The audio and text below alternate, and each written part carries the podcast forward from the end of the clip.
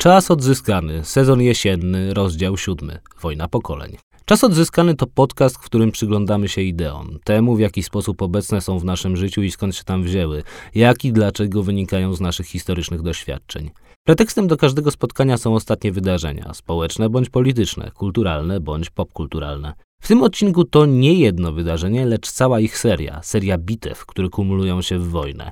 Kto zaś w każdej z tych bitew naprzeciwko siebie staje, kto zaś ze sobą tę wojnę toczy, to pokolenia.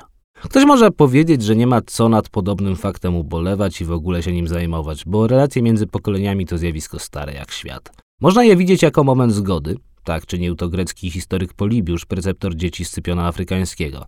W szóstej księdze dziejów opisuje typowy rzymski pogrzeb, na którym miejska elita w maskach przedstawiających wielkich bohaterów zwykła wygłaszać przemówienia na temat politycznych zalet zmarłego i jego poprzedników. Cytuję, w ten sposób, twierdzi Polibiusz, stale odświeża się wieś o dzielności zacnych mężów. Młodzież znajduje w tym podnietę. Koniec cytatu. Wspólnota istnieje, ponieważ pokolenia się w nią łączą. Nieco nowocześniejsze, bardziej skupione na konflikcie spojrzenie na kwestie relacji między pokoleniami prezentował angielski filozof David Hume. Uważał on, że starcie między generacjami jest kołem zamachowym historii. Jedno pokolenie jest takie, jakie jest, gdyż ustawia się w relacji do drugiego, przeciwko któremu kształtuje swoje tradycje, instytucje, prawa. Gdyby więc, uważał Hume, w jednej chwili, jak za dotknięciem czarodziejskiej różdżki wymarli wszyscy przedstawiciele całego pokolenia, mniejsza o to, czy starszego, czy młodszego, świat zmieniłby się nie do poznania, bo ci, którzy by na globie zostali, nie mieliby już przeciwko komu ustawiać się w opozycji. Nie jest więc, twierdził Hume, możliwe pomyślenie generacji, która nijak przez starych ich sposoby życia i ujmowania świata nie będzie zainfekowana. Zainfekowana w tym sensie, że w kontrze do tych ostatnich generacja owa będzie wymyślać sposoby swoje, niegdysiejsze krytykując. A może, chociaż to problem tak fundamentalny, mówienie o wojnie pokoleń dzisiaj jest nadużyciem. Może to po prostu fakt, który nie ma pokrycia w rzeczywistości, ale został li tylko wykreowany przez media. W ten sposób przecież o najdonioślejszym jak dotąd w niedawnych dziejach konflikcie generacyjnym, czyli tym, który rozegrał się w Europie Zachodniej i w Stanach Zjednoczonych w roku 1968, pisał w swoim dzienniku Witold Gombrowicz. Cytuję. Kilka setek studentów zaczyna robić chryje w Nanterre. Nic ważnego. Ale wtedy prasa, radio i telewizja rzucają się na temat z tych podniecających. Felietoniści, socjologowie, filozofowie, politycy zabierają głos. Duch nowego pokolenia, pokolenie bez busoli. To brzmi dobrze, głębokie, dobrze się czyta. Koniec cytatu. Autor Ferdydurkę, kiedyś diagnozujący generacyjne napięcia w międzywojennej Polsce, konflikt między ojczyzną a synczyzną, na starość patrzył na młodzieżowe rewolty niechętnie i sceptycznie. Jeśli już mowa o roku 1968, to odnosząc go do dzisiejszej wojny pokoleń, warto stwierdzić, że obydwa te starcia rozgrywały się w nieco innej i o nieco inną sferę życia. Ponad pół wieku temu była to sfera ekspresji erotycznej. Dość powiedzieć, że we Francji ówczesna rewolucja zaczęła się od tego, że Daniel Cohn-Bendit zarzucił ministrowi edukacji, iż nie interesuje się życiem seksualnym młodzieży. Dalej już poszło. Flower power, wolna miłość, niekonwencjonalne związki, komuny i wszystko co się da. W naszych czasach rewolucja rozgrywa się w sferze pracy. To tego świata dotyczą najgorętsze spory. Z jednej strony mamy bowiem dzisiejszych 50 i 60-latków, którzy przekonują, że zaiwanianie po 16, copyright Marcin Matczak, a nawet 20, copyright Grażyna Kulczyk, godzin na dobę to jedyny sposób na osiągnięcie życiowego sukcesu. Z drugiej dwudziestolatków i ludzi o dekady starszych, którzy takiemu podejściu do pracy się sprzeciwiają, sprzeciwiając również mobbingowi i braku relacji partnerskich między pracownikiem a przełożonym. Ich głosy są coraz częściej słuchane, zaś głosy tych, którzy przekonywali jak Matczak i Kulczyk, lekceważone i wyśmiewane. Bywa, że za styl zarządzania, który jeszcze dwie dekady temu byłby zupełnie normalny, ci od pracy 16 16-godzinnej pracę tracą. To przypadek Tomasza Lisa. Sprawy Lisa nie ma co streszczać. Znają każdy, kto nie jest całkowitym medialnym abnegatem. By o niej porozmawiać w kontekście wojny pokoleń zaprosiłem Jacka Żakowskiego, dziennikarza i publicystę związanego z tygodnikiem Polityka i radiem TOK FM, w którym przez ostatnie dekady gościł Lisa jako komentatora wewnątrz tzw. Tak trzutki. Na koniec ważna uwaga. Rozmawialiśmy 17 października, zaś ten wstęp pisze 23 dnia tego miesiąca. Nie wiemy, czy w sprawie Lisa coś jeszcze się wydarzy, a jeśli wydarzyło, niech ta rozmowa posłuży za komentarz z innej epoki.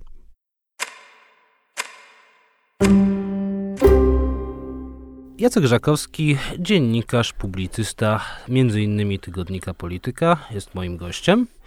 Witam. E, będziemy rozmawiać o wojnie pokoleń, ale żebyśmy się ustawili jakoś odpowiednio i żeby słuchacz wiedział, z kim ma do czynienia.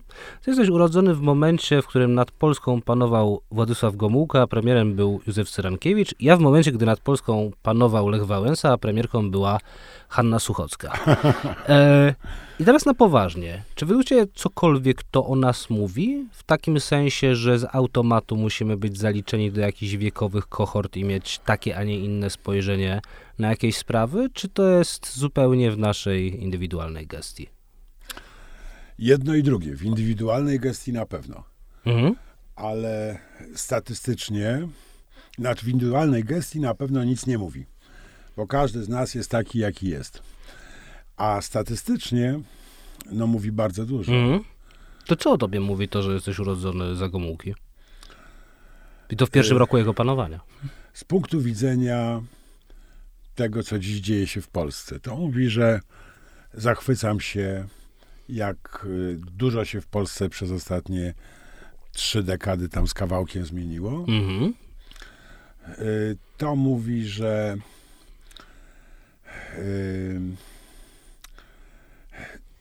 że mam y, moje najsilniejsze lęki takie w sferze publicznej to są lęki dotyczące utraty wolności. Mm-hmm. W moim przypadku mniej, mniej, niepodległości, a bardziej wolności w sensie osobistym. Y, to mówi, że mm, przeszedłem gigantyczną adaptację od kompletnie innej rzeczywistości do tej rzeczywistości, która jest, mm, jest dziś i ogólnie jestem trochę zmęczony adaptacjami. I co z tego jest prawdą? Jesteś rzeczywiście bardzo zachwycony wszystkim, co zostało osiągnięte, czy nie? Bo z rozlicznych Twoich wypowiedzi wynika, że jesteś jakoś jednym z takich niewielu związanych z mediami głównego nurtu liberałów, jeśli tak Cię mogę określić, a który raczej lubi czasem trochę gorzko spojrzeć na trzecią RP po 30 latach? Po pierwsze, dlatego, że jestem raczej socjaldemokratą niż liberałem, może socjaliberałem, no to, no to jakieś są już niuanse. A nie liberałem w sensie mhm. ścisłym. Mhm. To znaczy, nie uważam, żeby indywidualna wolność y, miała prawo dominować inne wartości, takie jak równość, sprawiedliwość, spójność, na przykład. E, a mm, po drugie, więc jako socjaldemokrata patrzę na wiele elementów tej transformacji krytycznej. Mhm. To znaczy, wiesz, z jednej strony widzę oczywistości. Wsiadam samochód i po godzinie i 20 minutach jestem w centrum Łodzi. Y, albo po niespełna dwóch godzinach jestem w Lublinie. Mhm. Jest y, szybciej. Wygodnie, jestem niezmęczony, mogę tam dojechać, pracować, wrócić. To mnie nie męczy, tak? Czyli w niebywały sposób rośnie moja efektywność, wydajność, no, tysiące rzeczy. Satysfakcja. Mm. Natomiast mm, widzę mm, jako socjaldemokrata, jako demokrata widzę, że bardzo wiele osób nie może z tego korzystać. Mhm. I kogo to obwiniasz? Ponieważ a, kiedy często się słucha wypowiedzi przedstawicieli najmłodszego pokolenia, ale nawet nie tylko najmłodszego, także dzisiejszych 30-latków, to winnymi za ten stan rzeczy są a, mityczni boomerzy bądź też mityczni dziadersi, którzy sami jedni e, spowodowali, że świat wygląda tak, jak wygląda no, to, to jest odwieczny spór. Mm -hmm. Ile jest świadomości, a ile determinacji w tym, co my robimy, tak? I, yy, no to bardzo prosto można zapytać tak, a czy wy byście umieli się zachować inaczej? Spójrzcie dziś na swoje kompetencje, tak? I yy, czy byście, yy, czy jesteście pewni, że za 20-50 lat y, wasze dzieci i wnuki nie powiedzą, ale spieprzyliście? Bo będą mądrzejsze mhm. o te 20 czy 50 lat. I my oczywiście dziś jesteśmy mądrzejsi o 20 czy 50 lat, ale jeden z takich moim zdaniem, dramatów y, tego, co zrobiliśmy, to jest to, że ze względów propagandowych, politycznych, taktycznych, z niskich pobudek, Jakich z nie zadbaliśmy Z o ochoty, to, żeby się żeby- samemu wygodniej żyło? żeby wygrywać. Żeby Okej. wygrywać na różnych polach.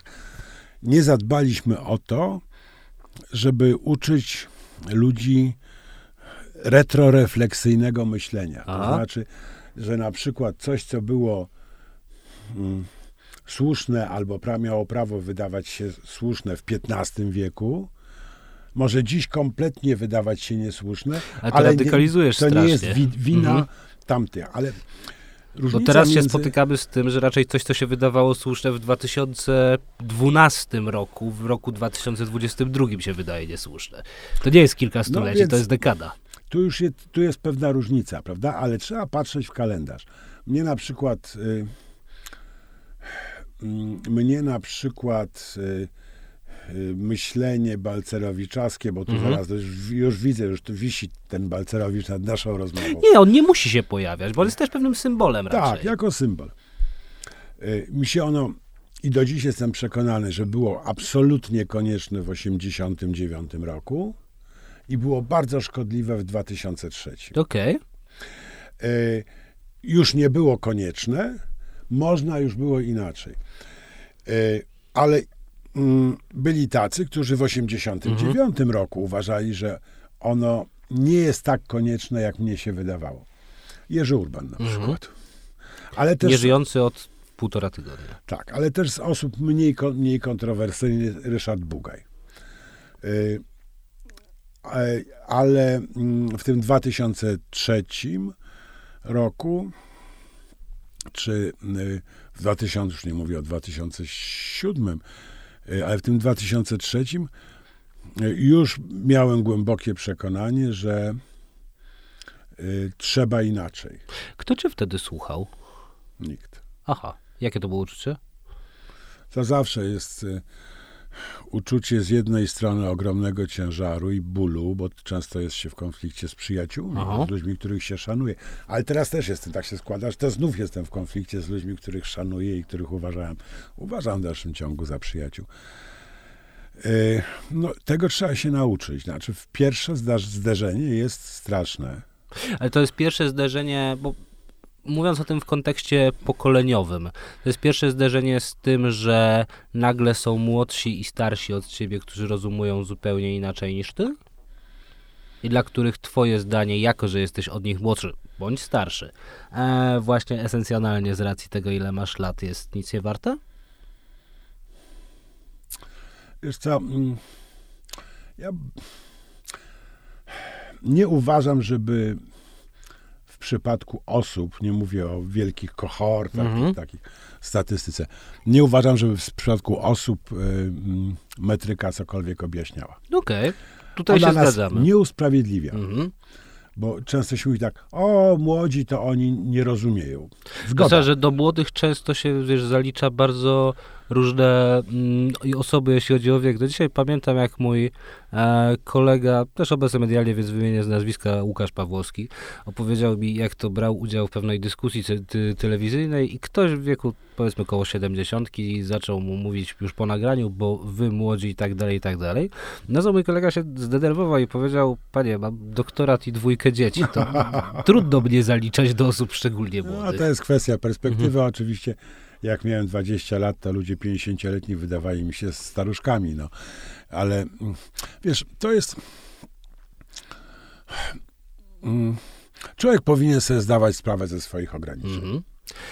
I y, czy jest młody, czy stary, to, to zobowiązanie istnieje. Młodość niczego nie usprawiedliwia, starość niczego nie. Ona może objaśniać, na przykład, dlaczego mnie jest trudniej zrozumieć blockchainy, Mhm. prawda? Pewnie tobie jest trochę łatwiej, a twoim. Ale też już nie tak łatwo. Tak, tak, a twoim dzieciom jeszcze łatwiej. Ja Tak? Jeżeli masz dzieci, nie mam dzieci, ale jak będę miał, to będą to, to będą to tym. rozumiały po prostu od kolebki, tak?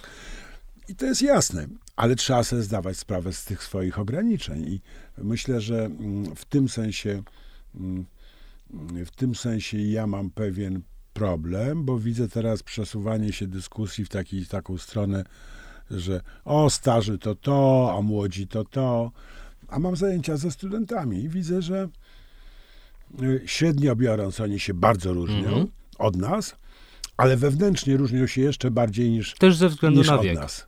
A powiedz mi, kiedy się to przesuwanie zaczęło? Bo jeśli chodzi o taki temat jak wojna pokoleń w Polsce, to jego przez strasznie długi czas, tak mi się zdaje, e, nie było. To znaczy, jak e, gadałem o tym ze znajomymi, nie wiem, około 2016-17 roku, nie widziałem czegoś takiego jak zjawienie się e, starcia, jak zjawienie się starcia generacji. I kiedy jeszcze wcześniej porównywaliśmy wówczas no, 19-18-letni siebie młodych e, do, nie wiem, 30-40-latków, to właściwie wyda, wydaje nam się, wydaje mi się, że mieliśmy bardzo podobne aspiracje i bardzo podobny ogląd świata. Tymczasem od mniej więcej, według mnie, dwóch, trzech lat mamy zupełne starcie, rzeczywiście. Mamy zupełny clash, mówiąc po angielsku, dwóch generacji. Co się takiego zdarzyło, że on nagle się rozpoczął? Bo to jest clash, który ma miejsce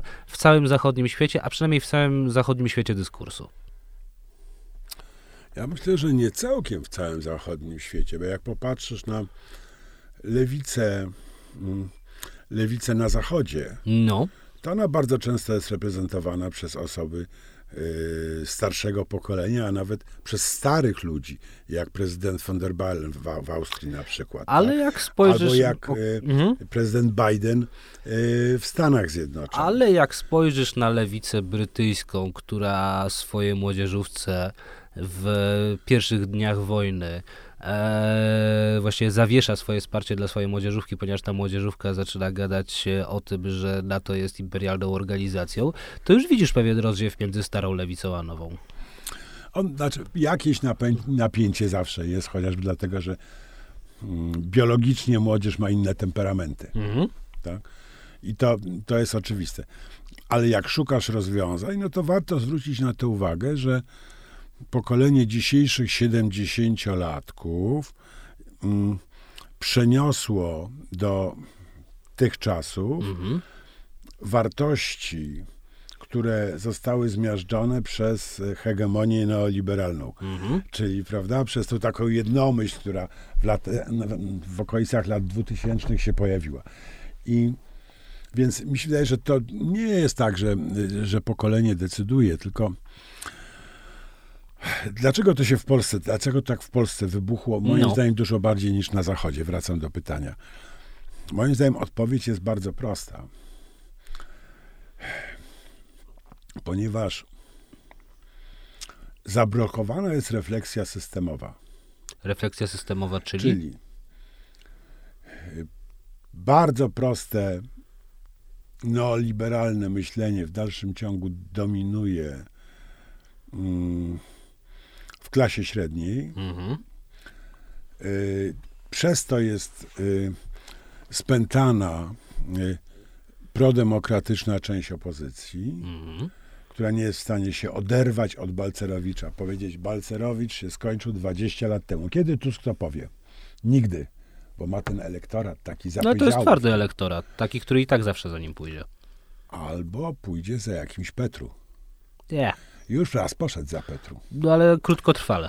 Tak, no bo Petr, tr- trudno było głupszy wybór, ale jak będzie lepszy Petru, to to jest, mi się wydaje, to jest lęk. I teraz tak samo jak Kaczyński się boi, mm, że pójdą za Konfederacją, prawda? To na razie to się nie realizuje, Także ale trzeba zjeść radykalizm w ten sposób, że samemu się nim stać. tak, tak.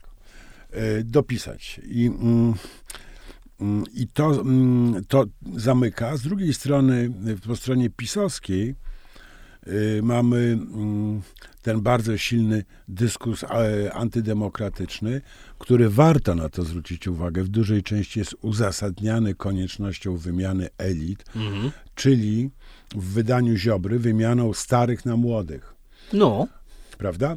Czyli czyli mamy takie dwa bloki. I oba te bloki są bardzo zainteresowane, żeby konflikt klasowy, który jest, mhm.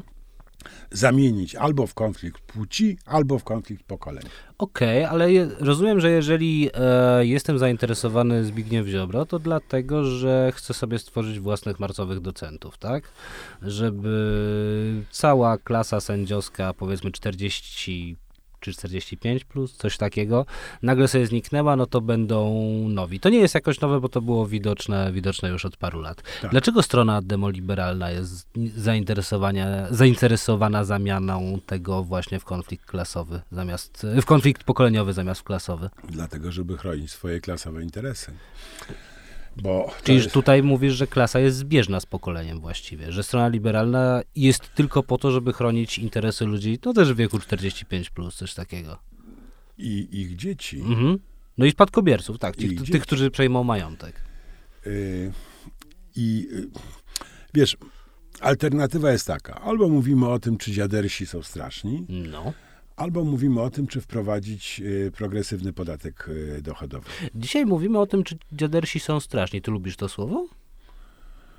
Albo Wiesz czy ono co? cię obraża jakoś bardzo? A czy, jest, czy zostaje ci obojętnym? Y, To jest słowo pułapka, bo ono bardzo mocno, tak y, w odbiorze takim pierwszym, kojarzy mm, postawę po, po, społeczną czy polityczną z wiekiem. Mhm. A wiemy, że to To jest jest, to, nieprawda. od czego wyszliśmy, ten że esencjonalizm. to jest nieprawda. Więc to jest właśnie przykład tego, jak próbuje się powiedzieć, zamiast powiedzieć y, neoliberałowie Mhm. są okropni, to mówi się dziadersi są okropni i wtedy, i wtedy powstaje wielkie kłamstwo. Kłamstwo polegające na tym, na powiedzieć dziadersi, boomersi, prawda? To, to jest Wszyscy wiemy, o kogo chodzi. kłamstwo, które zaciera fakt, że w moim pokoleniu, czyli dziadersów, boomersów, niewielka część Mhm. kontrolująca między innymi debatę publiczną w większości, y, niebywale skorzystała na transformacji, a duża część mo- naszego pokolenia niebywale straciła. I teraz, żeby, jeżeli mówi się to, co ja teraz powiedziałem, to trzeba powiedzieć, czyli powstał problem klasowy. Mhm. Ale nie jest w interesie, nie chciałbym zabrzmieć jak, jak Kaczyński, ale nie Ale jest proszę, w, to będzie ciekawy eksperyment. ale nie jest w interesie elity, czyli tych, którzy faktycznie mają wpływ, tak rozumianej elity, prawda? Ty, ci, którzy faktycznie, czyli y, rozumianej systemowo.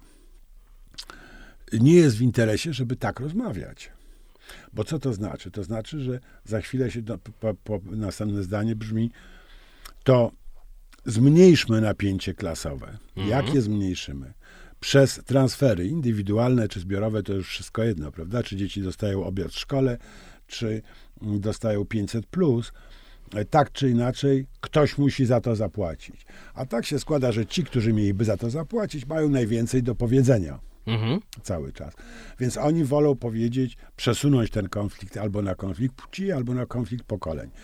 Y, Konflikt pokoleń jest ten, który dziś obserwujemy, w sensie obiektywnym, nie subiektywnym. On jest prostym produktem neoliberalnego myślenia, które z grubsza biorąc polegało na tym. No nie możemy y, tym, co już mają różne rzeczy, to trudno się zabiera, Mhm. bo się bardzo buntują. Ale jak przychodzi nowy pracownik, to możemy mu dać śmieciówkę zamiast etatu. Mhm. W związku z tym przez wiele lat, to za, za, zaczął Leszek Miller, prawda, uruchomił ten, a potem to było tylko coraz gorzej przez wiele lat. Mm, Przez wiele lat było tak, że w firmach pracownicy dzielili się na dwie grupy. Etatowców Je- i śmieciówkowców. Sta- tak. Starsi etaty, że mieli już etaty, no i trudno im było wybrać, i przychodzili młodzi, a i mieli śmieciówki.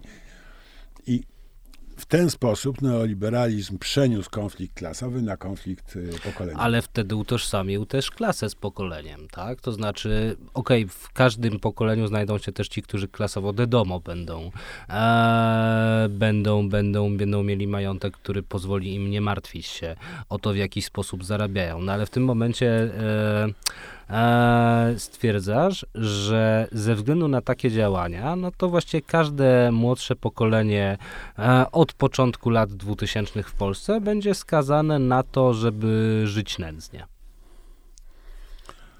Y, No, chyba, że sobie wywalczy. I A ile ty widziałeś do- w Polsce takich pokoleń, które sobie wywalczyły? Moje. Okej, brawo, ale to historia wam pomogła. No za, zawsze historia pomaga albo przeszkadza, prawda? Ale można z tej pomocy skorzystać Mhm. albo nie, a duża część mojego pokolenia w pewnym momencie skorzystała z tej szansy.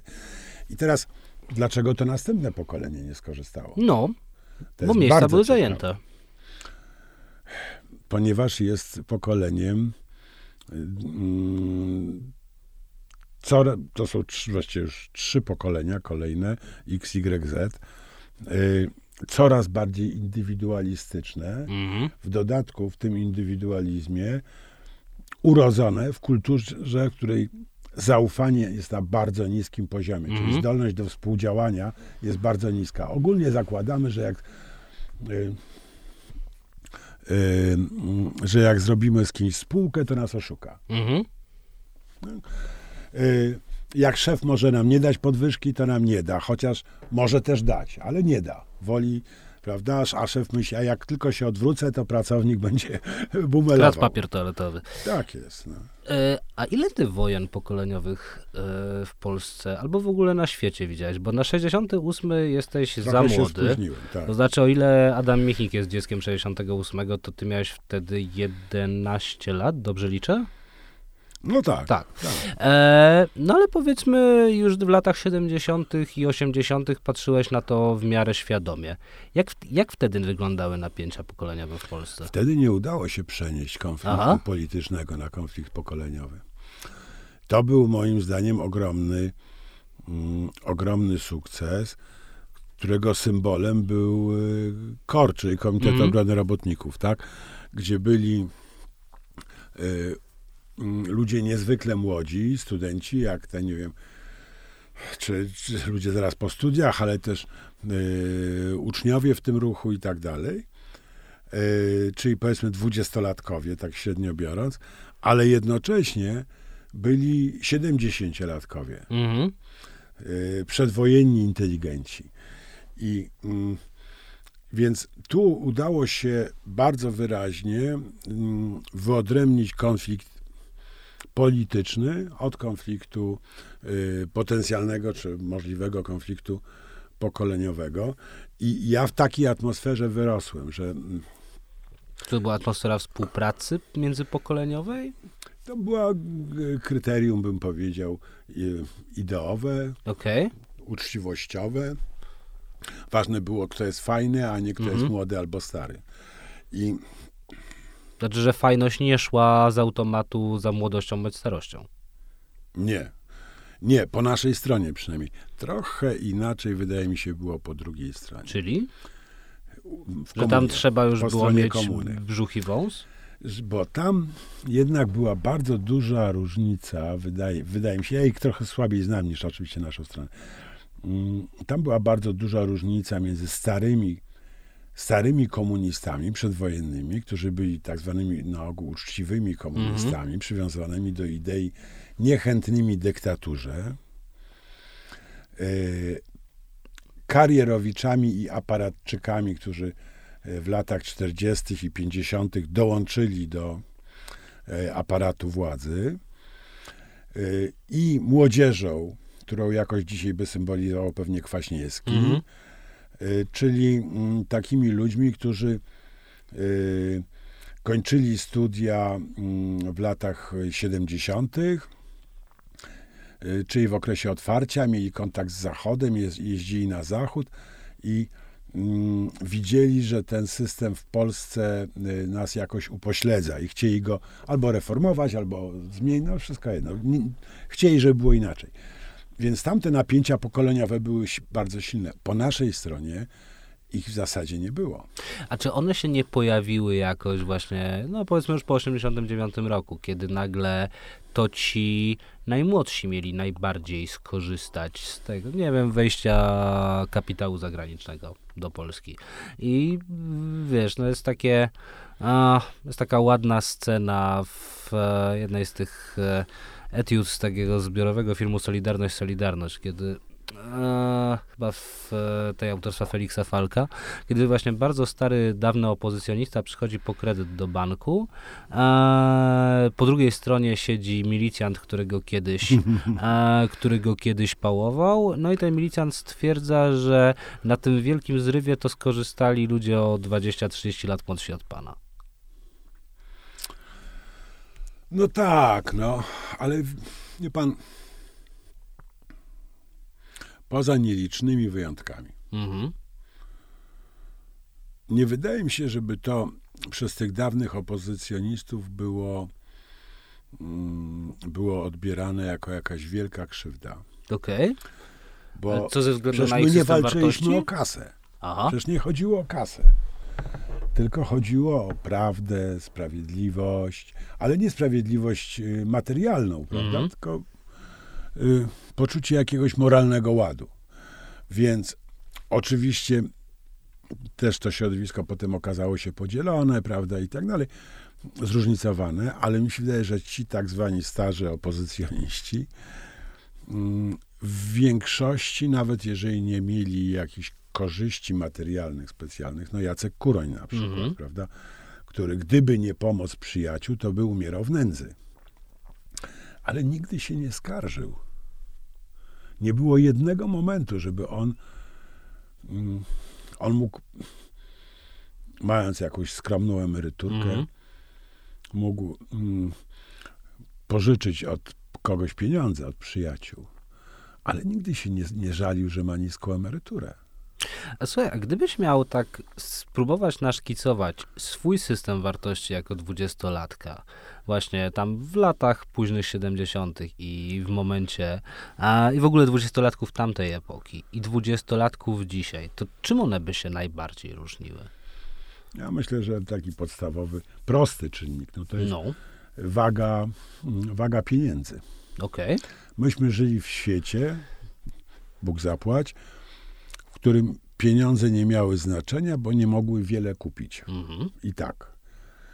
Y, I y, także w tym sensie nie mogły wiele kupić, że y, dziś, gdybyś zarabiał 20 razy więcej niż zarabiasz, mógłbyś wysłać dziecko do najlepszego liceum w Wielkiej Brytanii, prawda, zapłacić 80 tysięcy funtów rocznie Mhm. czesnego, prawda, i czuć dumę, że dostarczasz swojemu dziecku czegoś Wszystko, co najlepsze. Tak.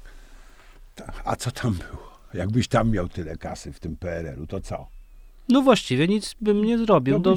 Kupiłbyś sobie whisky w Peweksie i dżinsy. Albo paszport. No, kupić paszport to już nie była taka prosta Znaczy, w sensie porozdawałbym bardzo wysokie łapówki, żeby móc jak najszybciej uciec. No, a no tak, no i już by cię tu nie było. Mm. Więc ci, którzy byli, to, y, to nie mieli takiej wrażliwości na te rzeczy materialne. Przecież to jest ogromne. A dziś możesz strasznie dużo tych pieniędzy. Zależy właściwie wszystko. I mm, mi się wydaje, że to bardzo zmienia relacje międzyludzkie. Nie chcę takiej tam krytyki kapitalizmu i tak dalej, konsumpcjonizmu, mm, bo to jest y, mm, pewna cena, którą płacimy za wolność. Mhm. Tak? Trzeba to zaakceptować, nie ma ratunku. Ale to ma ogromne znaczenie dla naszego stylu myślenia. A czy to dlatego właśnie główną przestrzenią, na której się ten konflikt pokolenie- pokoleniowy rozgrywa w tym momencie jest świat pracy? No bo wszystkie największe dyskusje pokoleniowe, osta- powiedzmy, ograniczmy się ok, do ostatniego półtora roku w Polsce, e, wynikają z tego, że ktoś, powiedzmy w wieku około 50 lat, już syty e, i zadowolony z siebie, stwierdza, że za jego czasów to się pracowało po 16 godzin, bądź po 20 i tak dalej, i tak dalej, po czym przychodzi ktoś, kto stwierdza, że osoba ta mm, zamęczała się i promowała tak zwaną kulturę zapierdolu i tak dalej, i tak dalej. Dlaczego to właśnie świat pracy stał się rzeczywiście główną przestrzenią tego sporu w Polsce? Nie, bo są różne Szczerze? światy, no. Moim zdaniem dlatego, że nie rozmawiamy ze sobą. W Dobra. ogóle ze sobą nie rozmawiamy. Przecież opowiadanie o kulturze zapierdolu mojego pokolenia to jest opowiadanie, to są bajki. Aha. Czyli ty nie pracowałeś po 16 godzin dziennie? Chwileczkę, no właśnie. Bo kogo pytasz? Pytasz tych, którzy są gdzieś, kurde, na świeczniku, Tak. tak? Mhm. No to, żeby być na świeczniku, trzeba, za, przepraszam, zapierdalać. No. Bo musisz prześcignąć innych, tak? To może No wynikać- chyba, że masz jeden genialny pomysł, który cię tam zaprowadzi, ale to się rzadko zdarza. Bardzo rzadko. To są, no, nie wiem. Y, Nawet właściciel impostu y, przez całe lata zapierdalał, Mhm. chociaż miał genialny pomysł. Tak? Dobra. Więc zniekształcenie polega na tym, że pytamy tych, którzy musieli zapierdalać, żeby się wdrapać na samą górę Mhm. i porównujemy ich z tymi, którzy stoją na starcie i w zdecydowanej większości nie mają ochoty zapierdalać, tak jak zdecydowana większość mojego pokolenia nie miała ochoty zapierdalać. Tak?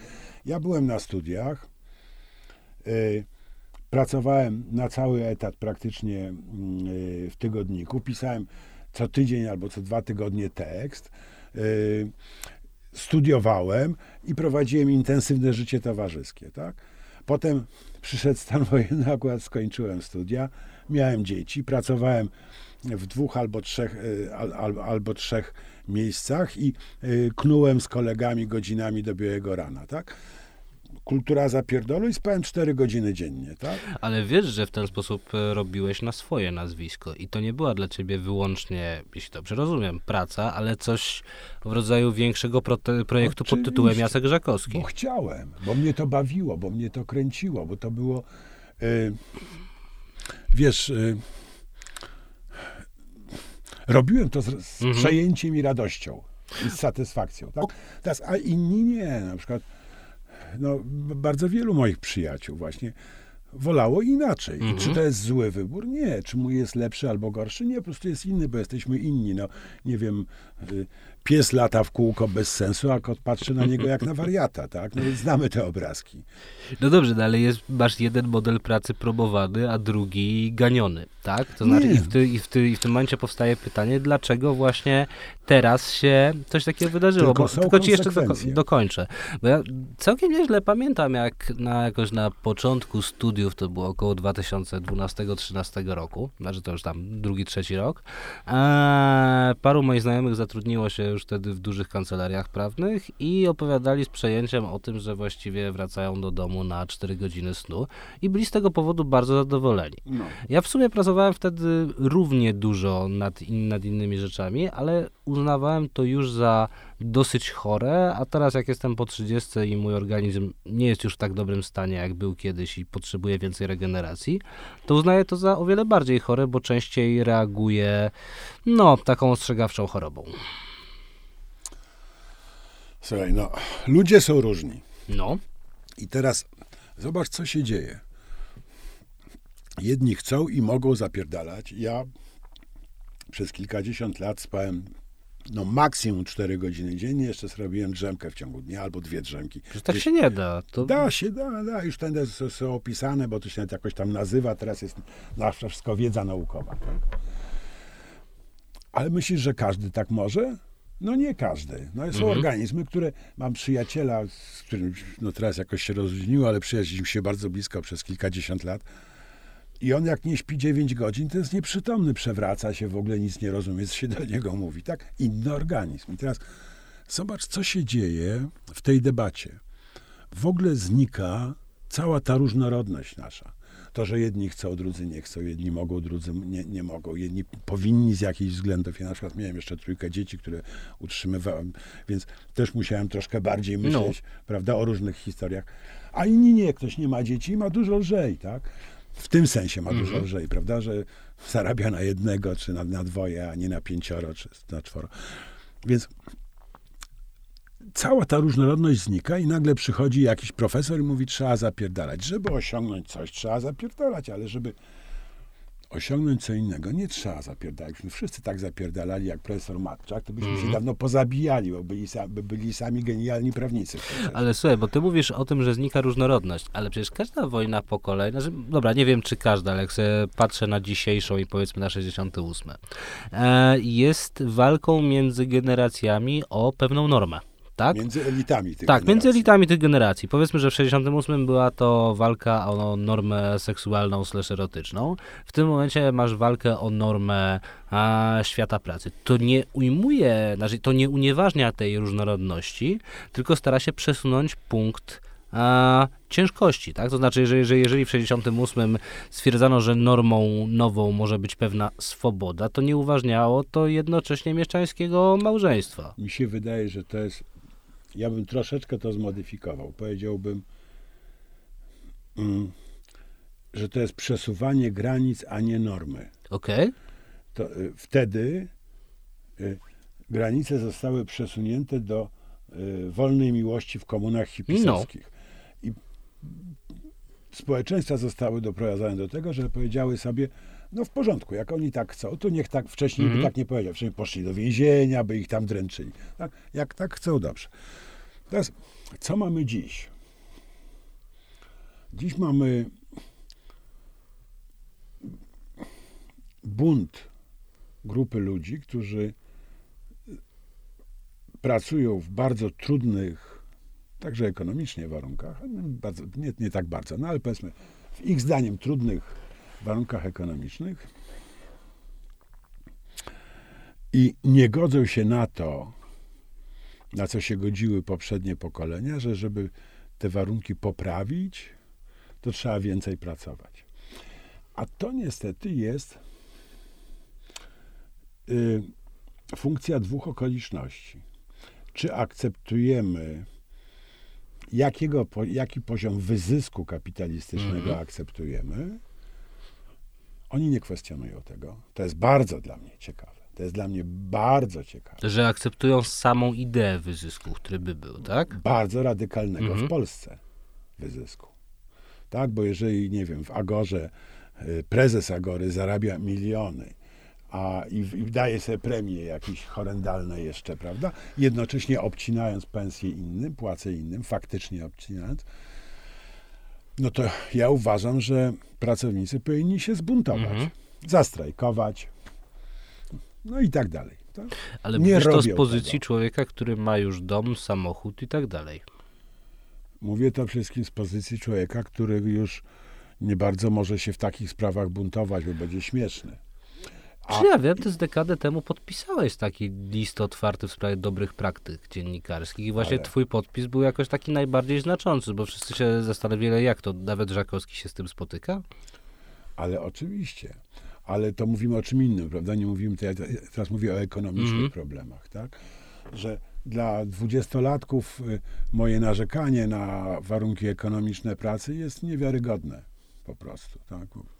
Jakieś takie jest wyobrażenie, że tryskam szmalem. I teraz nieuzasadnione, muszę Mhm. zaznaczyć i postawić kropkę w tym momencie. Y, Więc oni się przeciwko temu nie buntują, tak, ci młodzi. Jestem na nich wściekły, buntują. Czyli bu- nie buntują się przeciwko temu, ale buntują się przeciwko temu, co ich jako ich spotyka. Nie Zamiast przeciwko większemu zjawisku, Tych, ale... którzy Mhm. ich wykorzystują, to oskarżają jakieś pokolenie, które też było wykorzystywane Aha. i jest do dziś wykorzystywane, tak, bo ja za tekst w gazecie dostaję pewnie mniej niż prezes, niż prezes Agory zarabia w ciągu godziny, tak? A piszę dzień, dwa, trzy, czasem myślę, chodzę i tak dalej, tak. Może jestem głupszy, może trzeba było pójść inną drogą, Mm, ale jeżeli komuś się to nie podoba, to proszę nie oskarżać ludzi starszych, tylko proszę oskarżać ludzi łapczywych. Mhm. Tak? I to jest, to jest dla mnie katastrofa, że oni tego nie rozumieją. I A nie co by się musiało zdarzyć, żeby zrozumieli? No bo wiesz, y, dekadę temu, ponad dekadę temu, e, miałeś Occupy Wall Street, tak? Które było, p- które było Ale protestem to był przeciwko... marginesik jakiś. No. Nie no, głośny margines, No marginesik. głośny, no, Potwornie głośny. W znanych miejscach na świecie. Ale jakie to były grupy ludzi? W Nowym Jorku to było ile tam? 20 tysięcy? No, W Nowym Jorku? 10 milionów młodych ludzi? Tak? a to, to oni to robili na Manhattanie, tam trzeba dojechać, a tam no dobra, jest, jest metro. W, w Londynie Trafalgar Square, no spory jest Trafalgar Square, ale też... No dobra, ale to równie dobrze możesz mieć teraz pretensje, że y, jak w 69 protestowano w Londynie przeciwko wojnie w Wietnamie. To y, po prostu zajęli plac Grosvenor, który jest jeszcze mniejszy od Trafalgaru. No tak, ale na, na demonstracjach były setki tysięcy. Wiesz co, ja myślę, jest dziś jak jest, ponieważ kryzys 82, ponieważ kryzys 2008 Mhm. roku, 2008-2009 pokazał, że mm, młode pokolenie, bo to młode pokolenie jest nośnikiem buntów zawsze, Tak. tak? Że młode pokolenie nie jest zdolne do masywnego buntu. Masywnego, czyli jakiego? Czy po prostu będzie ich dużo, czy że rzeczywiście będą żeby było sprawcze? dużo i żeby byli radykalni. To jest całkiem odważne powiedzieć to w 2022 roku, kiedy nad najmłodszym pokoleniem w mediach, przynajmniej lewicowo-liberalnych, masz e, no, pean za peanem. No, każda pliszka swój ogon chwali, to chyba je- jedyny, jedyny argument. Ale to jest mega pasywne pokolenie, no. Mega Ty- pasywne. Tu uznajesz zetki za pokolenie pasywne. I te, takie wszystkie rzeczy, jak nie wiem, te młodzieżowe strajki klimatyczne i tak dalej. Młodzieżowy to... strajk klimatyczny. No. Dobra. Ile to jest osób w tym pokoleniu? Ale to słuchaj, to Jak nie to chodzi o to, żeby do pokolenia wszyscy się 68? zaangażowali. Świat się kończy. No. Usmażycie się. Ja już się nie usmażę, ale ty się usmażysz. Twoje dzieci w ogóle Urodzą się jako jajka sadzone. urodzą się jako Mhm. jajka sadzone. Tak jest. Mam głębokie poczucie, że jeżeli chodzi o robienie z tym czegoś, Mhm. to moje pokolenie segreguje śmiecie, tam myśli jakby tutaj prawda, mniej energii zużywać i tak dalej. A jak patrzę na młodszych, No. to myślę, że skłonność do ofiarności na rzecz zmiany, na rzecz poprawy jest minimalna. Ale co, że na przykład przyklejenia się do obrazu Van Gogha nie uważasz za skłonność do ofiarności? Ile tam osób się przykleiło? Dwie. Są p- pomidorową? Słuchaj, Słuchaj, są no, ekstremiści. trzeba by do bitwy pod Grunwaldem się przykleić, żeby więcej. To nie są tak duże obrazy, no. No dobra, ale mówię o skali.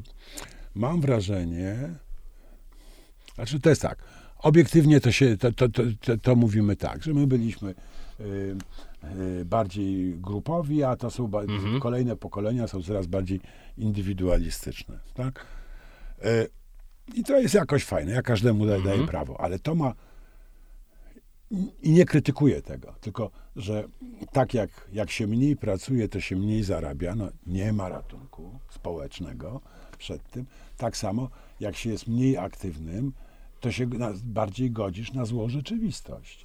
I to tak po prostu, no. Ja nie mówię, że zetki są złe, bo nie chcą się zapisywać do związków zawodowych, no bo nie, nie widziałem żadnej Mhm. zetki w związku zawodowym. Ale mm, ale to ma swoje konsekwencje.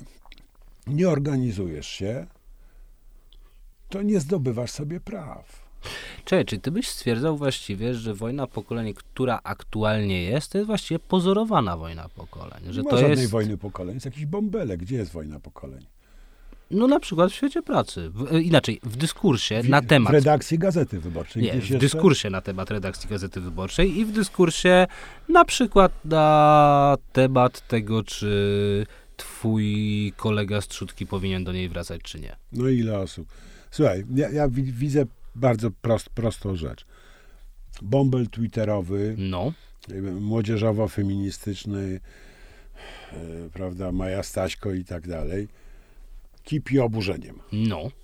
A ja dostaję setki maili, spotykam na ulicach y, setki ludzi, gdzie, nie, gdzie, gdzie mordy nie wystawię. Mhm. To kiedy nareszcie Tomek wróci? No dobra, to nie jest żadna mhm, wojna. Tu jest jakiś bąbel, Tak. który mo- można zastanawiać dlaczego, to już jest druga sprawa. Dlaczego ma taką wrażliwość? Może oni więcej o Tomku wiedzą, coś Mhm. czego ci ludzie nie wiedzą, coś czego ja nie wiem też, bo jak prawda, do mnie Tomek odnosił się zawsze z, no, z jakimś tam powiedzmy szacunkiem, Mhm. tak można powiedzieć. Może do innych nie i tak dalej. Y, Ale nie ma żadnej wojny pokoleń. A nie odczułeś nigdy, że twoi młodsi koledzy, koleżanki z pracy patrzą na ciebie mm, może nie nawet jak na wroga, ale jak na kogoś, kto zajmuje miejsce, które by mogło być ich miejscem. Wiesz, no to by było strasznie przykre, gdyby tak nie patrzyli. Że, że gdyby nie zazdrościli. znaczyli, że nie chodzi o... Zazdrość nie jest fajnym uczuciem, ale aspiracja jest fajnym Aha. uczuciem. I ja myślę, że to też trzeba umieć rozróżnić. No. Ym. ja patrzyłem z podziwem na moich y, starszych kolegów, Mhm. niektórych przynajmniej, i myślałem sobie, jak ja bym chciał tak pisać, jak Rysiek Kapuściński. Jak ja bym chciał y, mm, y, być takim podróżnikiem, jak Olgierd Budrewicz. Jak ja bym chciał y, mieć takie fantastyczne, taką fantastyczną sy- syntezę, jak Ernest Hemingway, tak? To były moje marzenia. Mhm. Prawda? Siedziałem godzinami, szlifowałem technikę pisania, żeby prawda? Y, pod Hemingwaya, pod Kapustę, pod Hankę Kral i tak dalej. To chyba nie jest nic złego. A potem wy- wypracowujesz swój styl. Oczywiście zawsze jest taka grupa zazdrośników, takich marcowych docentów, No. prawda, którzy chcą cię wykopać, żeby wejść na twoje miejsce, to ma krótkie nogi. To ja, już parę razy to widzieliśmy przy lustracji tam i tak dalej. To ma krótkie nogi. Wystarczy popatrzeć na, na słuchalność y, trójki radiowej, żeby zobaczyć, prawda, jak to się kończy. No mają swojego mana, mają swojego maternę przecież tam, prawda. Ale oni są swoi. Oni Są swoi i mają też 1% słuchaczy, czy tam Mhm. półtora, tak? A mieli kilkanaście. Więc to jest złe oczywiście. Na pewno tacy są. Ale jeżeli tak im się wydaje, że zajęcie czyjegoś miejsca w studiu oznacza zajęcie czyjegoś miejsca w świadomości odbiorców, to się bardzo mylą. Słuchaj, a jaką ma na to wszystko, jaki ma na to wszystko wpływ to, że jedno z tych pokoleń jest, żeby użyć sformułowania Jarosława Kuisza, jedno jest pokoleniem podległości, a drugie nie. Z- Znasz książkę Koniec pokoleń podległości, jego tezę o tym, że właściwie po raz pierwszy od bardzo, bardzo dawna masz pokolenie, które nie doświadczyło w żaden sposób e, e, jakiegokolwiek rodzaju okupacji Polski. No i to jest to pokolenie, które według ciebie pozoruje swoje działania i nie byłoby w stanie zrezygnować z e, bardzo podstawowych wygód, żeby jednak zapobiec usmażeniu się na tej planecie. Nie, to mi się wydaje, że to jest taka. Ja bardzo lubię takie profesorskie metafory, ale to jest, to jest głęboka metafora. No. Mamy do czynienia z silnie indywidualistyczną kulturą. Indywidualistycznie bardzo trudno jest coś, Mhm. y, coś zrobić. Mamy do czynienia z, z powstaniem pokolenia, y, które raczej się y, skrzykuje niż organizuje, tak? I można się skrzyknąć łatwo, żeby wykończyć lisa, bardzo trudno jest się skrzyknąć, żeby zmienić system. Okej. I mm, mi się nie wydaje, żeby to było, prawda, tam związane z niepodległością Polski. W ogóle niepodległość Polski mi się wydaje jest przewartościowana e, w, w jej tłumaczeniu na życie ludzi. Mhm. E, To historycznie można uzasadnić, że na przykład mieszkańcom Wielkopolski życie się specjalnie nie poprawiło w II Rzeczpospolitej. Przeciwnie, wpadli w ten rosyjski, e, ruski mm, tryb II Rzeczpospolitej. Tak? E, I teraz w III Rzeczpospolitej jest jest, jest podobnie i nie wiem, ja nie, nie, nie, nie widzę, żeby ci ludzie jakoś oczywiście żyjemy ekonomicznie Mhm. lepiej, możemy sobie jeździć na zachód, jesteśmy w Unii, jesteśmy bezpieczni, Rosja tu nie, chyba nie wejdzie w najbliższym czasie. Ale czy to ma taki wielki wpływ na to, jak wygląda to studio? Myślisz, że w Pekinie wygląda inaczej? Nie, wydaje mi się, że tak, takie, tak studia wyglądają wszędzie na całym świecie. Nie. Ale Jest taka ładna anegdota z 68, jak była tam wielka manifestacja w Paryżu i w pewnym momencie ktoś się wychylił z okna i powiedział do tych studentów, idźcie do domu za 20 lat i tak wszyscy będziecie notariuszami. Czy ty uważasz, że to pokolenie, względem którego jest twierdzone, że jest pokoleniem zmontowanym właściwie już notariuszami jest? Że ten indywidualizm jest w nim tak mocny, że powiedzmy wszystkie takie działania jak właśnie awantury o świat pracy, jak strajki klimatyczne itd., że to jest sposób, no, nie wiem, zdobycia sławy itd. i, i, nie ma to wszystko? awantur. No, są pojedyncze osoby, które coś piszą na Twitterze, no a potem idą do roboty i grzecznie zapierdalają jak trzeba. No. Wiesz, przepraszam, to słowo zapierdalają, ale ten zapierdol, prawda, i ta debata Nie, no to już weszło do języka. Tak. I to też pokazuje, że jest to w jakiś sposób istotny temat, bo zmienił język. Raczej upublicznił y, to, co było w języku prywatnym. To, to, to jest też zacieranie tej różnicy między prywatnym a publicznym. To, to jest, myślę, element czegoś, co się zaczęło przecież dużo wcześniej. Mm -hmm. To nie od to nie od zetków, zetów się zaczęło. Ale tak patrzę na te zety, no to właśnie, wiesz, no są tacy oburzeni na, na, różne rzeczy i ja podzielam te oburzenia, bo to, co oni mówią merytorycznie o tych śmieciówkach, o wyzysku, o y, folwarcznym stylu zarządzania, o zablokowanych drogach awansu, to już masz, można i mniej, to jest, prawda, o problemach ekonomicznych, o nierównościach, to w bardzo dużej mierze ja to podzielam, to znaczy od, od lat to piszę. Mhm. I to nawet zanim Maja Staśko się na to oburzyła, to, y, to o tym pisałem i mówiłem. Ale wiesz, oni potem idą do roboty i wchodzą w ten kierat. No dobra, ale wiesz, za coś trzeba kupić bułkę. Za coś trzeba też kupić masło. Zima wypadałoby no, mieć Panie ciepły Gestapo, koc. ja mam żonę i dzieci. Nie, nie, nie. nie, nie. No nie, no ale nie porównuj, sorry, świat, Gregory, nie sorry. porównuj świata pracy do okupacji. Sorry, Gregory. Ja uważam, że człowiek jak nie daje rady sam ustanowić warunków, które mu odpowiadają, to musi przynajmniej próbować się organizować.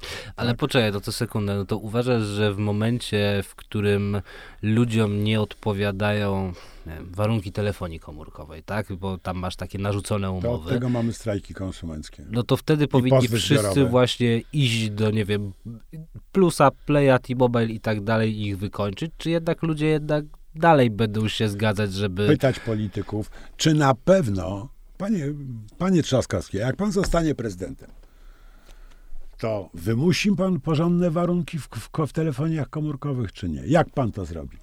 A o co pytają ludzie polityków? No, dupiarza na przykład. Już. Słuchajcie, no, to jest naprawdę to jest coś niesamowitego. Y Mamy przejściowo taką sytuację w Polsce, że można się organizować i nic nam za to nie grozi. W zasadzie. No powiedzmy, moją żonę wyrzucili no. z gazety za to, że zakładała związek zawodowy, tak? I w kilku miejscach, zakładach pracy jeszcze wiemy, że tak się zdarzało. Moją było żonę. Mm -hmm. To jest fakt. Ale teraz już jest trochę lepiej. Już mało gdzie wyrzucą za zakładanie związku zawodowego. No, Dlaczego w Amazonie. Się nie, Dlaczego się nie, ludzie się nie zapisują?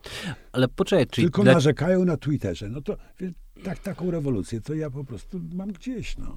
Czyli jaka byłaby twoja wizja prawdziwej wojny pokoleń w Polsce i na świecie? Że nagle e, powstają bardzo silne związki zawodowe, unions, czy jakkolwiek się to w każdym możliwym języku nazywa i wymuszają radykalną zmianę stosunków panujących w świecie pracy?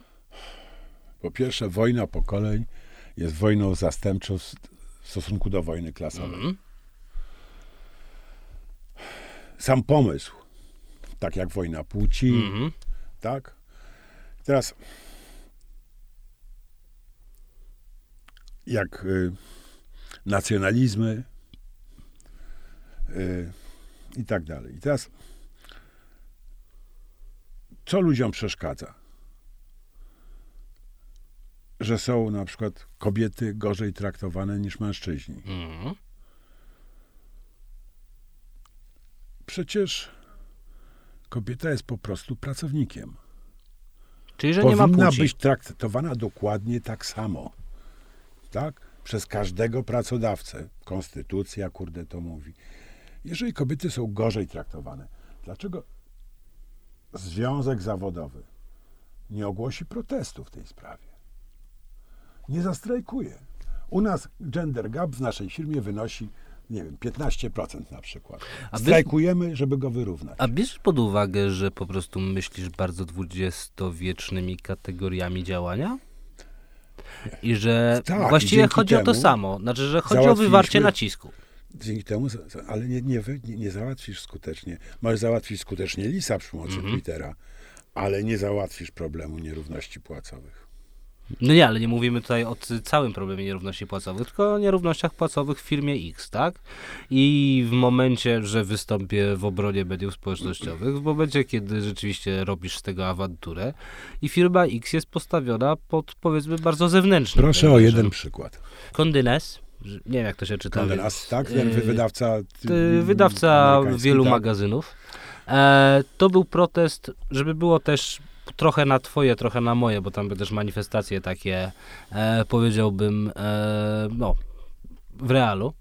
E, wydawca wielu magazynów amerykańskich, między innymi magazynu The New Yorker, w którym e, pracownicy, nie, znaczy nie, nie ci, którzy tam pis, piszą, którzy mają bardzo dobre honoraria, bo honoraria newyorkerowskie to jest zupełny szczyt szczytów, ale wiesz, tacy researcherzy, e, pracownicy składu, czegoś takiego, no stwier- stwierdzili, że oni zarabiają powiedzmy po 20 razy mniej od topowych autorów i ilustratorów czasopisma. I miałeś proces, który się właściwie zaczął w mediach społecznościowych. Oczywiście potem się przeniósł tam pod siedzibę wydawcy w New Yorku, ale jednak zaczął się właśnie tam. No i bardzo dobrze, no bo trzeba walczyć, tak? Ja nie mówię, że media społecznościowe są y, kompletnie do niczego. One odgrywają, mogą odgrywać taką rolę, jaką odgrywa stołówka, kuchnia, korytarz, no tam w różnych instytucjach różne takie miejsca. Znaczy ludzie się spotykają, prawda, nakręcają się nawzajem i coś robią. Ale jeżeli na tym się kończy i nie masz tej organizacji, bo akurat w Kondynaście był związek zawodowy, No. tak? I, zresztą w ogóle związki zawodowe w Stanach są w takich instytucjach relatywnie silne, w odróżnieniu od przemysłu. Y, Był związek, który to podjął. Tak? I teraz warto patrzeć i zresztą nie wiem, czy oni wygra- chyba nie wygrali w tym Kondynaście. Yy, Zdaje się, że jakieś podwyżki tam nastąpiły. Więc, y, bo też jest dość oczywiste, że jak ktoś jest jednym z, naj, z 10 czy 20 najlepszych autorów w Stanach i pisze w New Yorkerze, to musi, trzeba mu bardzo dobrze płacić, bo każdy chce go zatrudnić. Natomiast jak się jest pomocnikiem researchera, no to można zawsze znaleźć Mhm. kogoś na jego miejsce, ma mniejszą siłę przetargową i zawsze będzie, będzie tracił. No dobrze, ale jeżeli nie ma tej organizacji, to nie ma szans na instytucjonalne rozwiązywanie problemów. Tak? I można tylko załatwiać incydentalne problemy, czyli na przykład y, zaszlachtować Tomasza Lisa. Ale zobacz, co się Ty stało. używasz strasznie dużych słów No bo to są duże sprawy. Na wydaje, tę aferę. mi się wydaje, że to są duże sprawy. E, I tutaj no, y, ja się sytuuję ani nie po stronie obrońców, ani nie po stronie oskarżających. Nie? Zresztą też. e, Ale ja też Byłoby, nie odnoszę się Mhm. do Tomasza Lisa. Do, jego byłoby też dla mnie to o tyle niestosowne, że do Newsweeka pod rządami Lisa napisałem kilkanaście tekstów, więc, e, więc, więc, więc, by, no, więc nie czułbym się z tym, z tym na miejscu. E, Niemniej jednak właśnie ty stwierdzasz, że, że zadziałała logika tłumu i że jedyne rzeczy, które potrafi załatwiać najmłodsze pokolenie, to niewielkie zmiany systemowe, ale nie, nawet nie stworzenie jakiegoś jednej osoby, jednej instytucji, ale raczej niszczenie. Tworzenie też, no wiesz, no, różne rzeczy przecież w tym środowisku fajne się y, y, także w tych bąblach twitterowych ro, rodzą. I nie wykluczam, że to będą jakieś wielkie rzeczy może nawet. Y, ale wiesz, zobacz taką sytuację. Ja nie pracowałem nigdy z Lisem, poza tym, że się z nim spotykałem na dwie godziny, za na półtorej godziny y, co piątek przez kilkanaście lat. Y, To nic nas nie łączyło.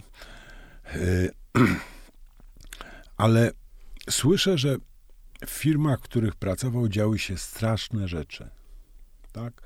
Taki jest zarzut wobec Mhm. niego. Straszne w sensie takim, że byli, lu- ludzie byli poniżani, źle się czuli. Nie powinno tak być. I co? No. I co oni z tym robili? Co oni robili, jak Renata Kim wybiegała, Mhm. podobno, nie było mnie przy tym, lata refero, z zebrania ze łzami w oczach szlochając. Co ten cały zespół robił wtedy? Jak on na to reagował? Wiesz, jak biją kogoś na ulicy, to mam odruch, że podchodzę pomóc. Mhm. Znaczy temu bitemu, nie tym bijącym. No tak, żeby pomóc roz, rozstrzygnąć problem.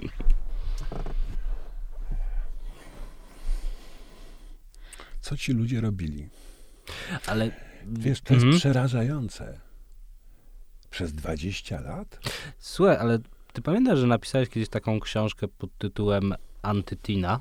Tak, E, Tina, czyli There is no alternative. tak. No to skoro musiałeś pisać książkę pod tytułem Antytina, no to znaczy, że Tina była wyżej niż Antytina i lepiej się sprawowało przekonanie, że alternatywy nie ma.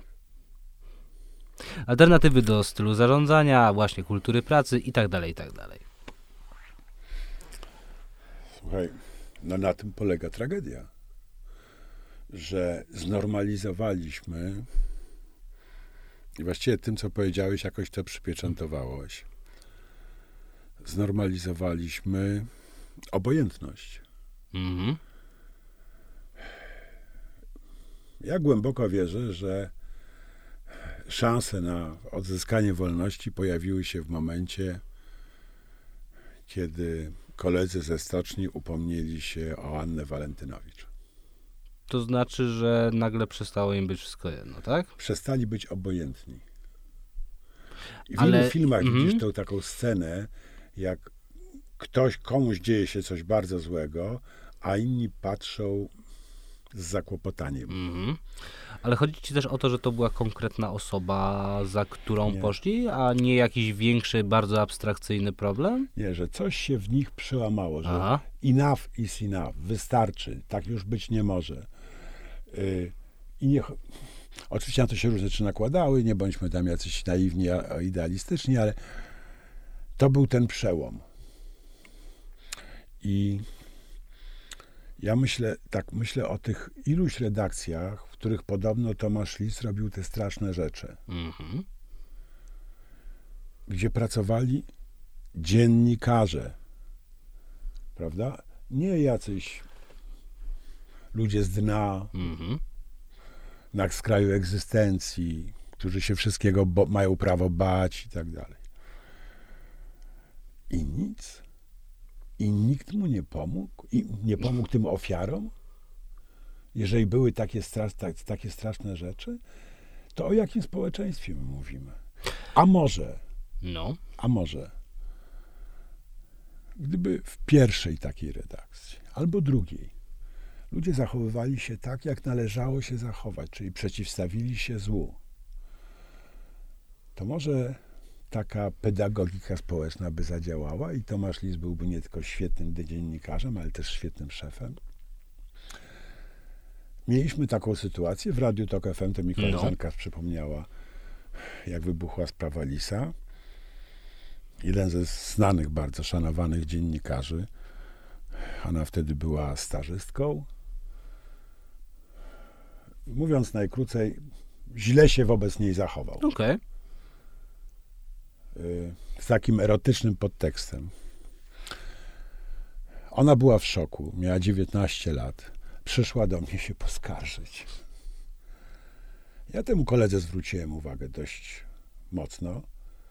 Przeprosił ją i to się nigdy nie powtórzyło.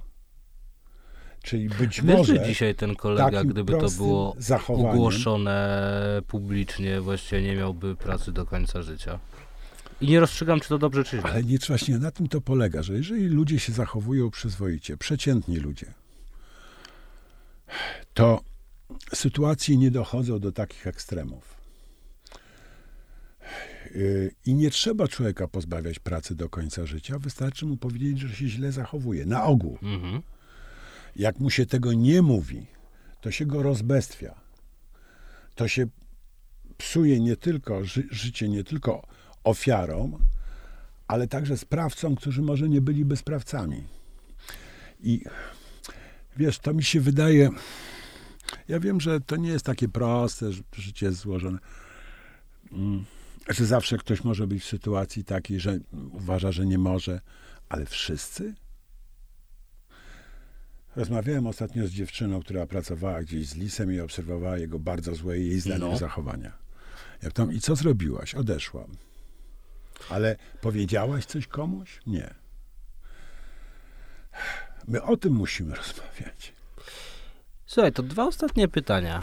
Jaki ty widzisz moment przełomu tego enough is enough i zamienienia pozornej wojny pokoleniową, pokoleniowej w prawdziwą wojnę klasową? Powiedzmy w Polsce. Ja myślę, że musimy więcej rozmawiać, wiesz, że Ale jest to jest tak. taka odpowiedź, to jest wytrychem Nie. na wszystko. Nie, nie, nie. Zobacz, co się dzieje. Twitter. No, którego Masz. ty nie masz. Nie mam. Ale z- absolutnie świadomie, Mhm. bo to nie jest na moje emocje. Ja mam, też absolutnie świadomie. E, No tak, bo ludzie są różni Mhm. i to jest fajne. Więc Twitter. Jedna bańka nienawidzi lisa, druga bańka No. kocha lisa. Czy to może do czegoś doprowadzić? Nie, do niczego. Jest Ale ja nie pytam o Twittera, tylko pytam o faktyczne problemy pokoleniowo-klasowe w Polsce. kobiet. Kongres kobiet. No. Siedzi pięć kobiet na scenie. Wszystkie, wszystkie jednomyślnie jadą na Mhm. lisa. Na dziadersów, na boomersów. A gdyby tam zaprosiły na przykład dwie osoby, które myślą troszkę inaczej, które nie pojadą z nimi Mhm. jednym, jed, w jednym kierunku i jednym tempie, czy nie bylibyśmy bardziej do przodu? Nie no, bylibyśmy, ale przypominam, że to w polskich mediach w ostatnim półtorej dekady, półtorej dekady dominował model, który będzie brzmiał za prośby feministkę i Tomasza Terlikowskiego, niech się ponapierdalają nawzajem. Nie chodzi o napierdalanie się. Bo w mediach jak masz 10 minut, to możesz się tylko Mhm. napierdalać. Ja się zgadzam. Nawet jak masz 15. A jak masz dwugodzinną debatę, No, to już jest trochę co innego. Już coś z niej może wyjść. Można się troszeczkę zrozumieć. Teraz pytanie jest takie.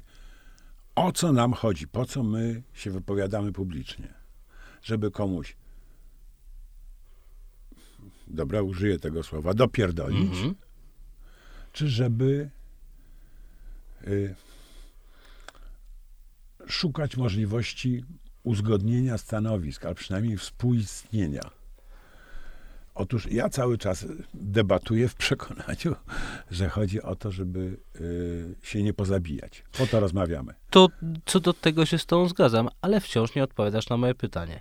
Moment przełomu, przejście pozornej wojny pokoleń w konflikt klasowy. Co się musi wydarzyć? Bo e, właściwie ja myślałem, że czymś takim będzie kryzys mieszkaniowy w Polsce, ale czymś takim nie został. To znaczy, byłem absolutnie przekonany, że wiesz, że kawalerki po trzy kafle w Warszawie to będzie moment, w którym będzie to enough is enough, nie? Są po cztery i nic No, się nie stało. mm, Tak. E, więc co się, musi, co się musi zdarzyć, żeby konflikt pokoleniowy pozorny się zmienił w klasowy? Moim, no ale to też jest konflikt płci, bo to się No, rozpisuje znaczy te wiele na, pozornych konfliktów, Tak, żeby, tak, wiesz... tak. wschodu z Tak, zachodem, tak, różne tak. te wszystkie. północy z południem, Tak, Bydgoszcz, Toruń, tak. wszystko. Kilka sposobów zakłamywania znamy. Mm, Wiesz, ja myślę dwie rzeczy. Mm. Po pierwsze,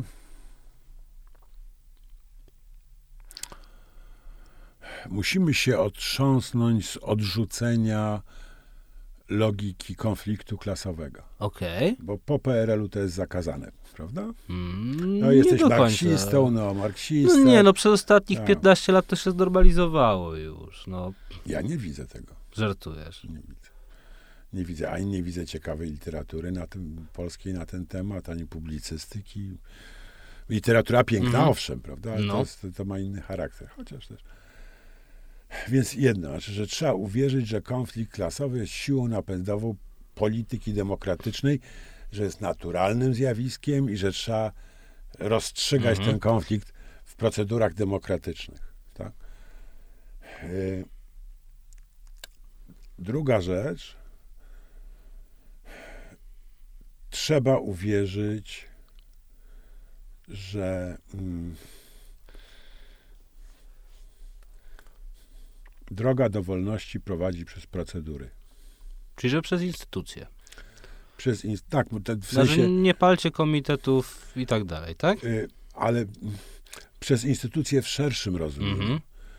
y, jako sposoby organizacji, nie tylko instytucje fizyczne, prawda, Mhm. jak komitety, ale też wybory, y, zasady praworządności, w tym domniemanie niewinności, konieczność udowodnienia winy, jakość debaty, tak, że w debacie nie chodzi o to, żeby kogoś załatwić, tylko chodzi o to, żeby coś sobie nawzajem objaśniać, prawda? Widzę bardzo dostojne osoby, które piszą list, w którym stwierdzają, że prokuratura obecna jest wiarygodna w rozstrzyganiu takiej sprawy jak sprawa Tomasza Lisa i Newsweeka, tak?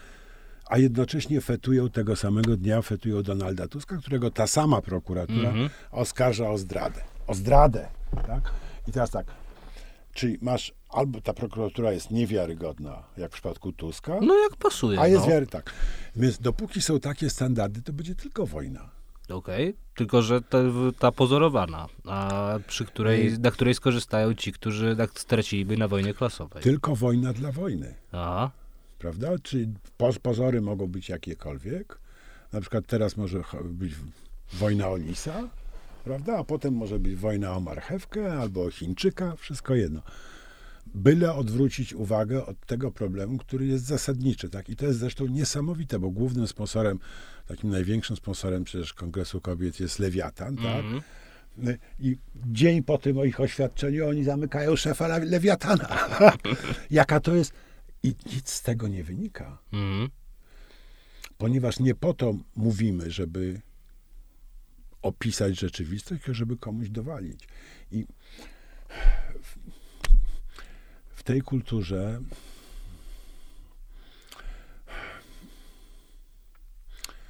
wiesz, która jest międzypokoleniowa, Mhm. tak? Bo nawet wśród tych i ponad, y, ponad genderowa nawet, bo tam ten lis i mężczyźni, i kobiety, Mhm. i młodzi, i starzy, i hetero, i homo. Wszyscy chuzia na siebie, no. Tak. Czyli to się stał polski problem.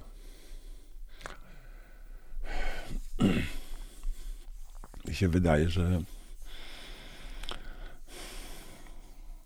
nas nic dobrego nie czeka. Znaczy, w perspektywie mojego życia. No to dobrze, to ja będę żył dłużej. No, życzę tego. To pytanie numer dwa jest 17 października. Państwo słuchają tej rozmowy na początku listopada. Jest 17 października, godzina 15.21. Czy Tomasz Lis wróci do trzutki, czy nie? Ja nie wiem, czy on przeżyje w ogóle. Tu mówisz poważnie? Tak. Cztery udary, taki poziom stresu. Nie wiem, kiedy. Czy byłeś kiedyś obiektem takiej nagonki? Mm, takiej nie, bywałem obiektem nagonek. No to mm, nie wiem, o ile tam ona była łagodniejsza, no ale pomnóż przez odpowiednie współczynniki, wyobraź sobie, w jakim stanie emocji wtedy jesteś. Y, Więc moim zdaniem największym problemem Tomasza Lisa dziś nie jest jego życie publiczne, tylko jego życie biologiczne.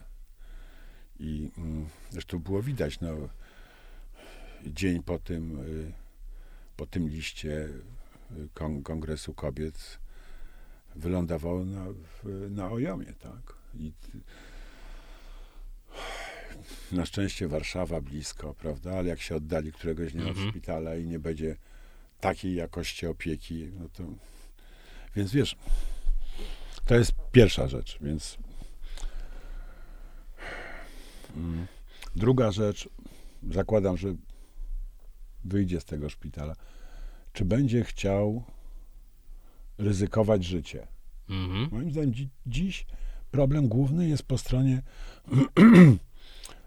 tego na co Tomasz Lis jest gotów się zdecydować. On jest w bardzo trudnej sytuacji, bo albo wyjdzie na tchórza, Mhm. prawda? że nie chce tam stanąć w szranki znowu, albo na wariata, która popełnia samobójstwo.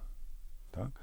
Bo jest oczywiste, że jak wróci, Mhm. to będzie tak jeszcze większa jazda. Jeszcze większa jazda. I to jest dla mnie to jest pi- pierwsza sprawa.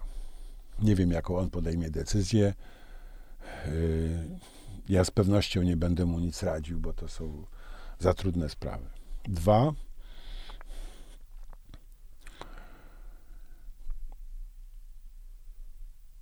Radio postawiło jako swój warunek, że Tomasz Lis y, zdecyduje się na rozmowę na antenie na żywo. I że nie ty ją będzie, przy, nie No będziesz tak, ją przyprowadzał. To, to, tak, to akurat już była moja decyzja, że Mhm. ja się nie czuję na siłach, żeby taką rozmowę prowadzić, to by źle wyglądało. No i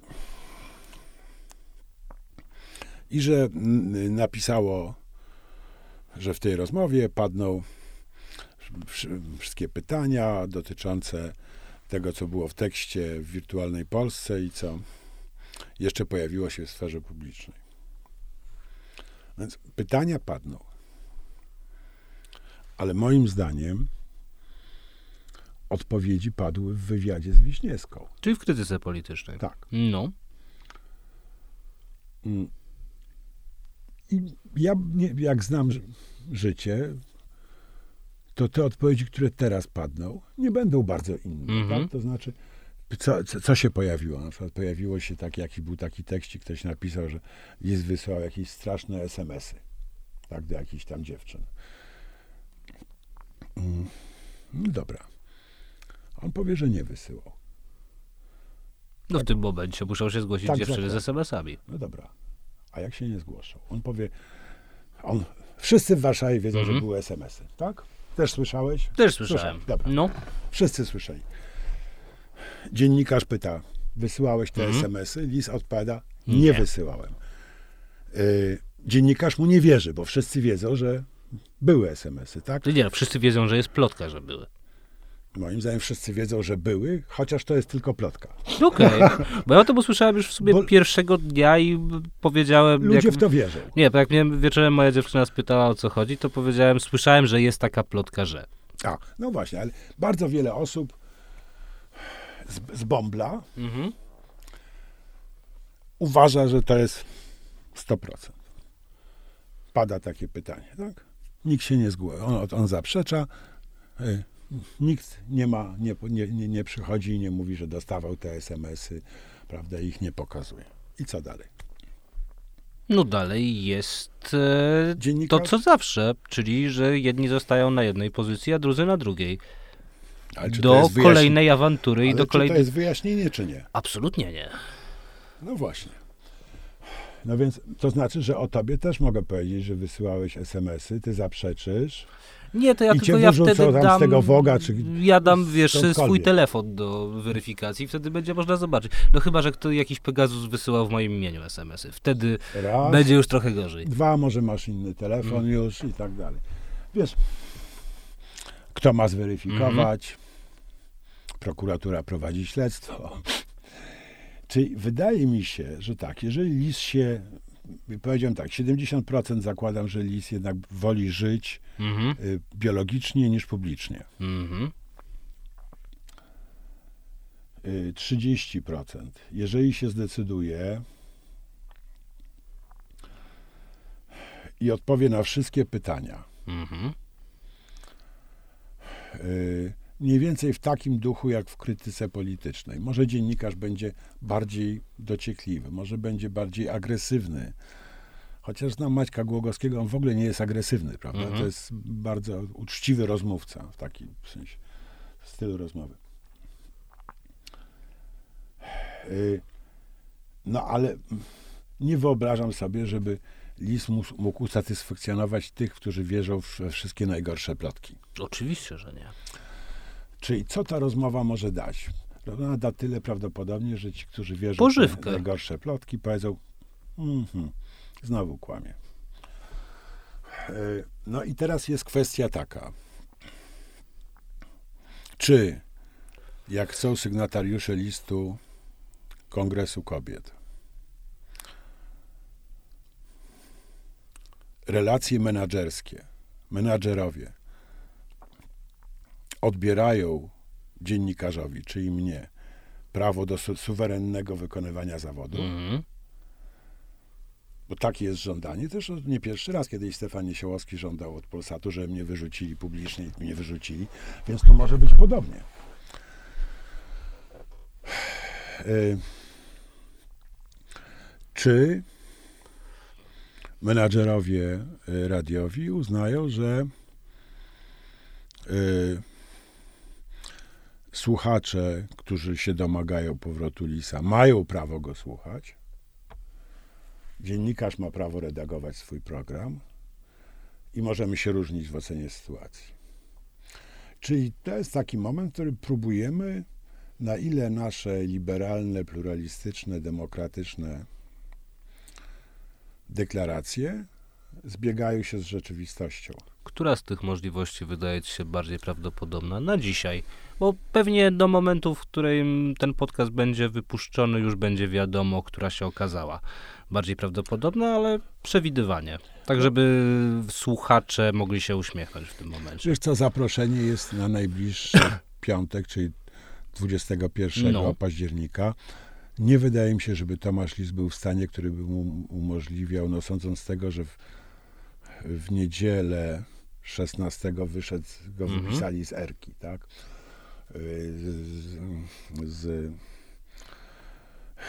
y, I przenieśli go na normalny oddział neurologiczny. Nie wydaje mi się, żeby jakikolwiek lekarz mógł mu powiedzieć, że może podjąć taki, takie emocjonujące Mhm. zadanie. Tak. Nie, nie wiem, nie, nie jestem neurologiem, ale. Mm. Czyli zakładam, że w ten piątek mała szansa, żeby się odbyło takie. Coś takiego. Mm. Kiedy dalej? Y, Co dalej? Powiedziałbym dziś, że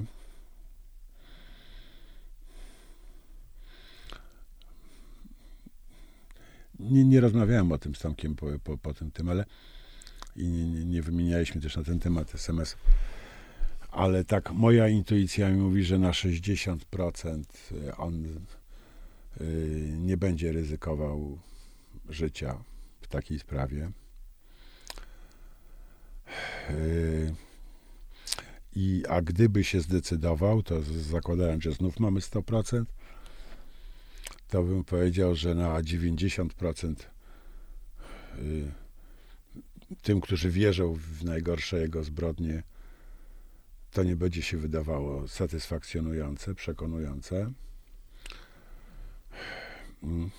I znów mamy kolejne 100%, co wtedy zrobią.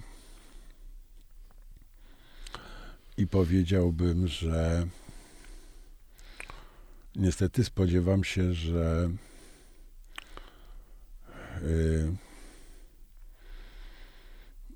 wobec nastrojów dominujących w bańce Mhm. y, szefowie mojego radia y, zdecydują, że y, nie mogą wpuścić lisa na swoją y, na swoją antenę. Mm. Co będzie takim fundamentalnym kryzysem tożsamościowym, wydaje mi się. Bo to będzie moment, w którym będziemy, w którym powstanie pytanie nie jak bardzo różnorodnie nie jak bardzo różnorodni musimy być, żeby budować y, wolnościowe społeczeństwo, tylko, i to jest to pytanie, które ja często słyszę, tylko jak bardzo jednakowi musimy być, żebyśmy się dobrze wśród siebie czuli. No to zobaczymy, czy w ten sposób ta pozorowana wojna pokoleń okaże się w tym jednym aspekcie Niepozorowana. Ale tu jedną rzecz muszę dorzucić, No, że w tym kierownictwie nie ma żadnej zetki. Do czasu. Jacek Żakowski był moim gościem. Dziękuję bardzo. Dzięki.